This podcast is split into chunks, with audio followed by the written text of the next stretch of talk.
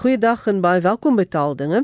Ek en Kobus Burger, uitvoerende regisseur drama en boekvoorlesings by RSG, praat vandag oor die gebruik van taal in boekvoorlesings en in dramas en hoe ons daarna kyk wanneer ons keur watter storie geskik sal wees en watter drama geskik sal wees en vir watter gehoor of konteks dit aangewend word. Kobus, baie welkom. Dankie Magdalene. Wanneer ons die keuring doen van boeke vir boeklesing, 'n voorlesing, dan gaan dan net natuurlik oor die storie en is dit iets wat nou aanklank sal vind by mense en lekker sal voorlees. Dis die een ding. Die ander is nou kom ons by die taalgebruik in die boeke. Is dit 'n probleem soms? Wat is die probleme waarmee jy te doen het? Ek dink die algemene probleem is uitsprake want baie keer moet ek in die 'n uh, voorleser dan sit en praat byvoorbeeld oor hoe die karakter sal praat uh, binne die konteks van die boek. So daar's dele wat prosaïes geskryf is, maar daar's ook dialoog. So nou moet jy dink hoe sal daai karakter byvoorbeeld praat en dit gaan die taalgebruik beïnvloed. So byvoorbeeld in baie boeke deesdae sal jy nou sien zebra um, word met 'n S gespel, zebra. So dan sal ons nou 'n bietjie met mekaar rede kavel nou, die spesifieke karakter gaan die persoon sê zebra of zebra. En hoekom het die skrywer byvoorbeeld 'n zebra nie met 'n Z nie, maar met 'n S gespel? Primus of primus, buffet of buffet so dalk 'n meer gesofistikeerde karakter sal nie buffet sê nie maar sê buffet of so. So dis baie keer die die ding waaroor ons praat oor oor die uitsprake. Die ander moeilike ding nou met boekvoorlesing is ons kan nie reklame maak nie. So baie van die boeke, eh, romans verwys na produkname of bekende produkte of plekke wat ons ken. So mense moet nou sensitief wees dat jy nou nie 'n advertensie in die boekvoorlesings doen nie. So Maar wat dit natuurlik belangrik is vir die konteks van die storie. Ons moet altyd kyk na die konteks. So dit is nou eerste, maar dan kan ons ook in gesprek tree met dan met die skrywer en of die uitgewer en sê ons sal nie net lukraak net dinge uitsny of verander nie. Ons ons hoor maar net altyd of hulle tevrede is daarmee. En ek dink dat 'n ander uitdaging kom byvoorbeeld nou met dialekte soos vrou van die Klippe See van Meg van der Merwe wat deur Kirby van der Merwe vertaal is. Dan neem dit die boek eintlik na 'n heel ander vlak toe. Dit klink baie anders as die tradisionele romans wat mense gewoonweg lees of op radio hoor. So dit dan word dit amper meer 'n produksie en jy moet ook nou die regte voorleser kies om daardie taalgebruik of daai dialek tot sy reg te laat kom. Ons vind dit ook met radiodrama dat verskillende um, breinkarakters sal verskillend praat of verskillende woorde gebruik. So ons praat ook dan baie keer met ons akteurs en sê help vir ons. Ons sê met die met die kompetisie ook, ons RSG Sanlam radiodrama skryf kompetisie vir ons skrywers om nie te veel in dialek te skryf nie, maar om eerder standaard Afrikaans te skryf en dan laat ons dit oor aan die akteur. So ons sê vir die akteur, jy vertolk hom. Jy het mos nou die storie gelees so jy weet waar dit afspeel so byvoorbeeld 'n karakter van Belhar en 'n karakter van Mamasbury gaan verskillend praat. Uh iemand van die Weskus en Namakwaland gaan verskillend klink. So ons het dit ook nou met Brilsand byvoorbeeld gehad. So hoe klink die mense in die Noord-Kaap? En dan wil mense dit ook nou nie um 'n stereotipe maak nie. So dit is dis verskillende goed wat 'n mens in ag moet neem. Voordat ons nou verder gaan, ek wil net gou vir jou terugneem na Zebra en Zebra die uitsprake. Watter riglyn gebruik julle dan om te besluit watter ene dit is? Want daar's baie woorde wat veral hierdie S en Z wat mense verskillend uitspreek. Ons het dan nou gekyk so die skrywer in hierdie geval het geskryf zebra uh, met 'n S. Maar dan as ons voel die karakter sal sê zebra dan spreek ons dit as zebra uit. Nou, maar of dit nou, reg of verkeerd is, ja, weet ek nie. Nou dit is nou die karakter en die situasie. Ja. Wanneer kyk julle na die taalgebruik? Wat is die standaard taalgebruik in so 'n situasie? Dan is dit nou byvoorbeeld soos Anguri wat ons gekry het in spertyd van Elsa Joubert en dan klop ons by jou aan, dan wil ons weet help, wat beteken ja. die woord? Nou wat beteken Anguri? Ek weet nie. Nou miskien moet ons vra vir die luisteraars, want dan kom baie keer sulke woorde ja. voor wat ehm um, woorde is wat ons nie vandag ken nie en dit is altyd 'n baie lekker speletjie as ons dan probeer uitvind wat dit beteken. So as enige iemand weet wat beteken anguri, dan moet hulle vir ons laat weet. Maar nou ek wil weer terugkom na die vraag 'n mens kyk wat is die dialoog in watter uh, milieu dit afspeel, wie die karakter is ensovoorts.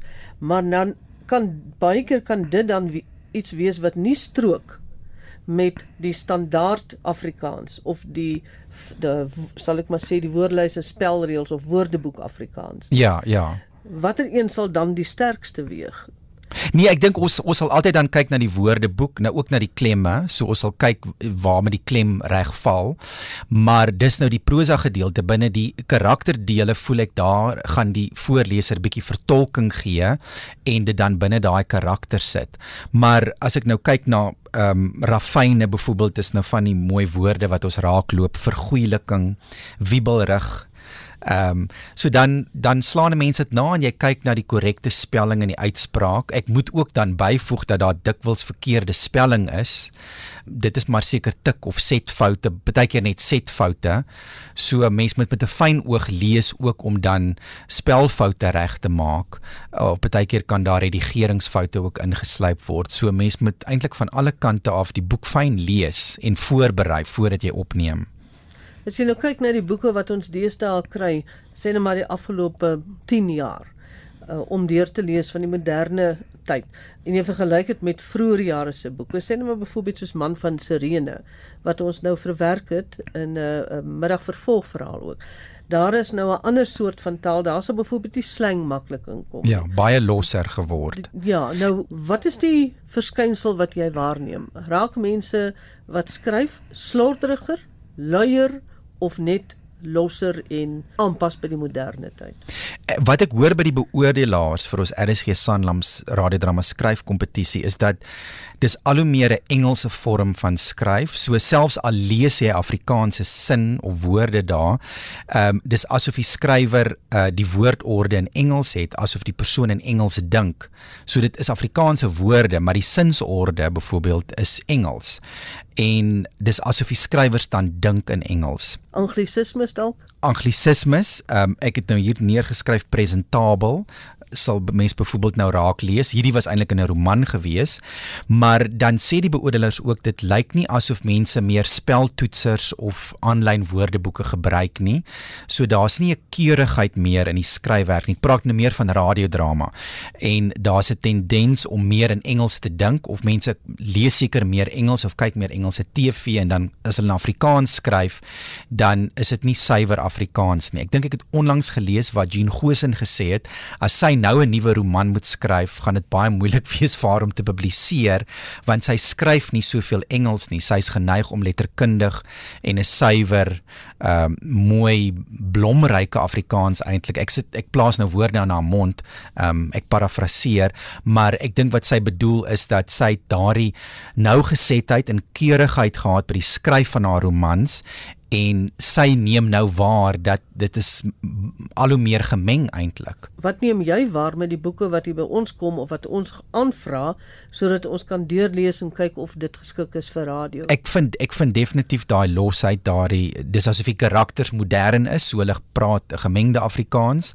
Dis 'n uitsondering dat 'n mens iemand so spertyd als van Elsa Joubert lees dan nou ook drie klawerblaar van uh, Christine Barkhuis en Leroux waar mens die uh, mooiste woorde lees wat jy dink die die taalgebruik van die die skrywer dis net so kleurvol. Dit is iemand wat moeite gedoen het met die taal. Ehm um, daar het ek byvoorbeeld ook nou interessant die woord dirabelik raak gelees. Ek ken hom eintlik as dirawelik kom van die Weskus af en baie mense praat daarvan dirawelik maar sy het hom in die boek as dirabelik Ek ken dit ook as dirawelik. Ja. Uh maar sy het hom gespel dirabelik En dan die ander woord ook in haar boek is misseljatkat. Misseljatkat. Ek ken hom weer as miskeljatkat. So dis lekker om die streekforme ook raak te lees dan en dit maak die boek net soveel meer interessant. Dit is 'n taalryke boek dan as jy die roman so lees. Die argument is baie keer daar moet geskryf word soos daar gepraat word. Uh, my persoonlike opinie altyd was daar is tog 'n verskil tussen skryf en praat. Sou jy sê dat dit so moet wees altyd of kan 'n mens maar begin skryf soos wat wel mense reeds doen nie begin nie dit is reeds daar skryf soos wat hulle praat want jou praat is baie keer informeler, slodderiger en bietjie losser hmm. as wat 'n mens sou skryf. Ek dink persoonlik hou ek van 'n skrywer wat moeite doen met die skryfwerk, soos dan nou weer een spertyd van Elsa Joubert wat eintlik dagboekhou is. Jy kry woorde soos oorvriendjie waar sy verwys na haar gehoorapparaat of strak styf. Dis 'n skrywer wat kontempleer, wat nuut skep, wat nadink, wat mymer en dan dit op papier sit.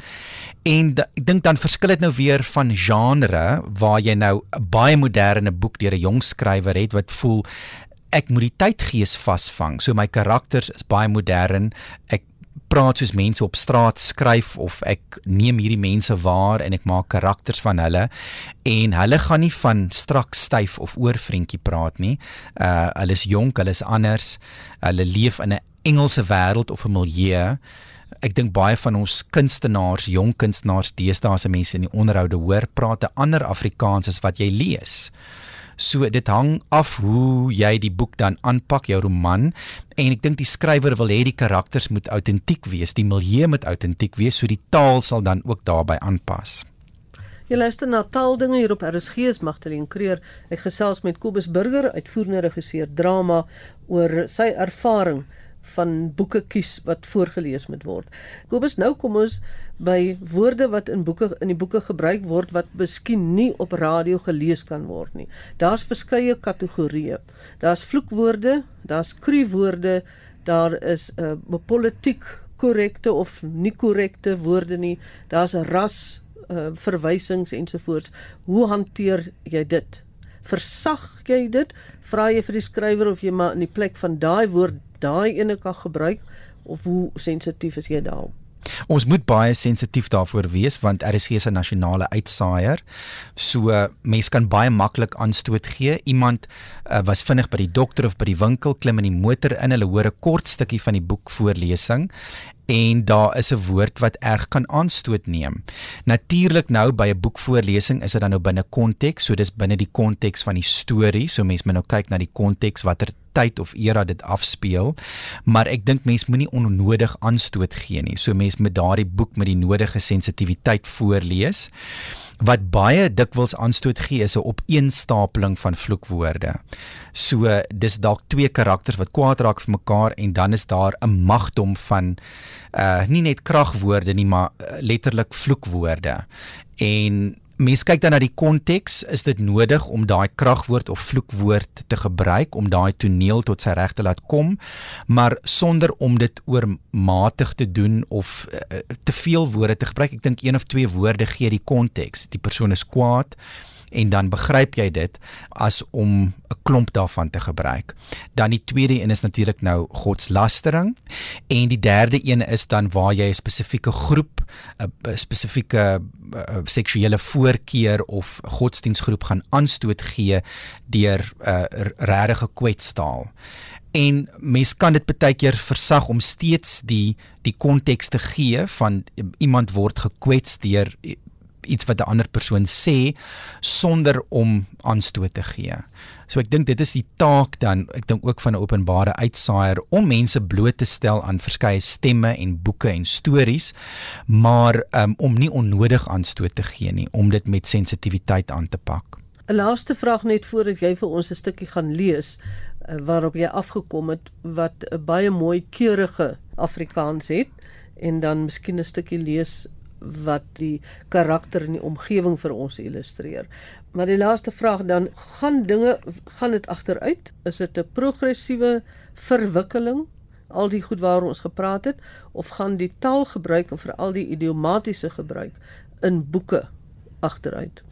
Ek is nou nie 'n doemprofeet nie, so dis my moeilik om nou so standpunt in te neem. Ek dink daar is steeds goeie balans. Ek dink daar's 'n balans tussen skrywers wat moderniseer, wat verruim, wat bietjie die grense skuif, wat anders kyk en dink. Ek dink daar's goeie en genoeg verskeidenheid in daai opsig en dat jy die skrywers wat sê net maar van 'n ouer keurige puristiese agtergrond kom wat goeie Afrikaans gebruik En dan sê ek nie dat daar nie jonger skrywers is wat nie lief is vir keurige en idiomatiese poëtiese taal nie. Ek dink as jy kyk na ons digters uh, dan die, die, in die jonger stemme in die digters vind 'n mens dit. Dit is nie asof ons digters vir Engels het nie. Die digterlike vryheid. Die digterlike vryheid is daar, maar hulle dig in Afrikaans. Mense moet eintlik wetenskaplik daarna gaan kyk, 'n digbundel deurblaai en kyk. Ons moderne jong digters is 50% Engels in die gedigte of is dit steeds 85 of 90% Afrikaans? En ek is lief vir digkuns, ek lees baie gedigte en dit lyk vir my asof ons digters nog steeds 'n liefde en 'n passie het vir Afrikaans, poëtiese Afrikaans en nuutskepping. Ek dink dit is belangrik om nuut te skep en nuut te dink in Afrikaans. En ek dink 'n mens moet ook dit net uh, bevestig. Dit gaan nie daaroor dat 'n mens alles in standaard algemeen beskaafde watter naam wil jy ook al gee Afrikaans wil hê nie dit moet vorder maar ek dink dit gaan daaroor as ek 'n boek lees wil ek daarom kan lekker lees en gemaklik lees. Hy moenie soveel Engels en soveel ander woorde in hê dat dit my ritme, dat dit steurend is om die storie te lees nie.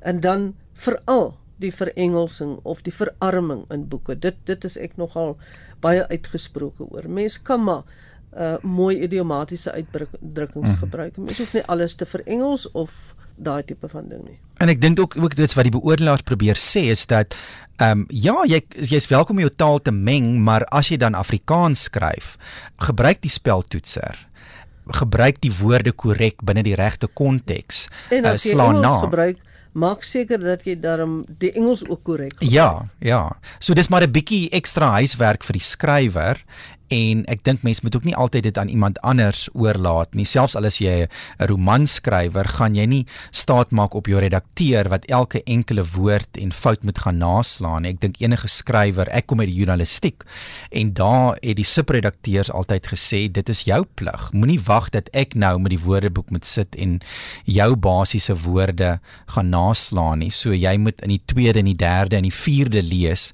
moet jy daai woordeboek nader trek in jou huiswerk werk doen. Ons gaan by een van die taalprogramme binnekort praat oor die sub of uh, subredigering wat by tydskrifte en koerante is of daardie beroep ook besig is om uit te sterf of daar nog ernstig subwerk gedoen word. Kobus, lees my 'n stukkie wat baie mooi keurige Afrikaans is en dan lees jy vir my 'n stukkie wat nie is nie maar wat aanvaarbaar is omdat dit binne die konteks so gebruik word. Hierdie is uit Spertyd van Elsa Joubert. Ek weier om die woord gehoorapparaat te gebruik oor vriendjie. Toe is ek oorgehaal. Ons het albei die probleem dat ons van aangesig tot aangesig of selfs vier aan tafel goed kan hoor, maar waar die hele gesin met tieners wat hulle woorde insluk, saam om die tafel sit, hoor ons niks. Ons is verlore.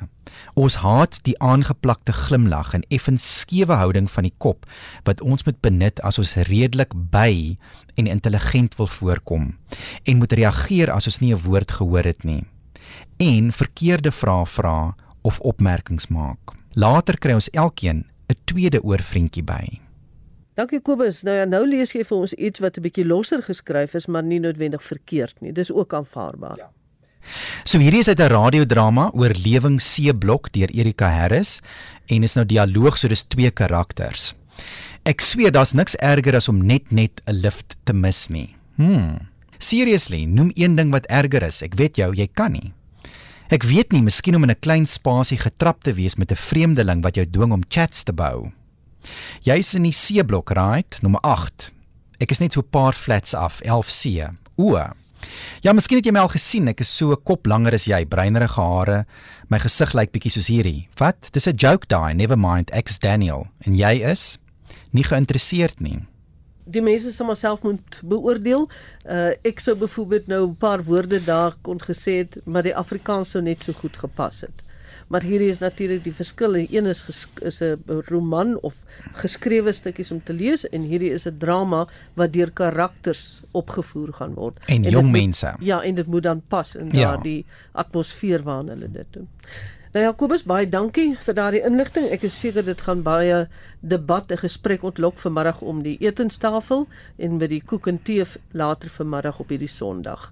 En baie dankie vir saamluister. Groete van my Magdalene Creer.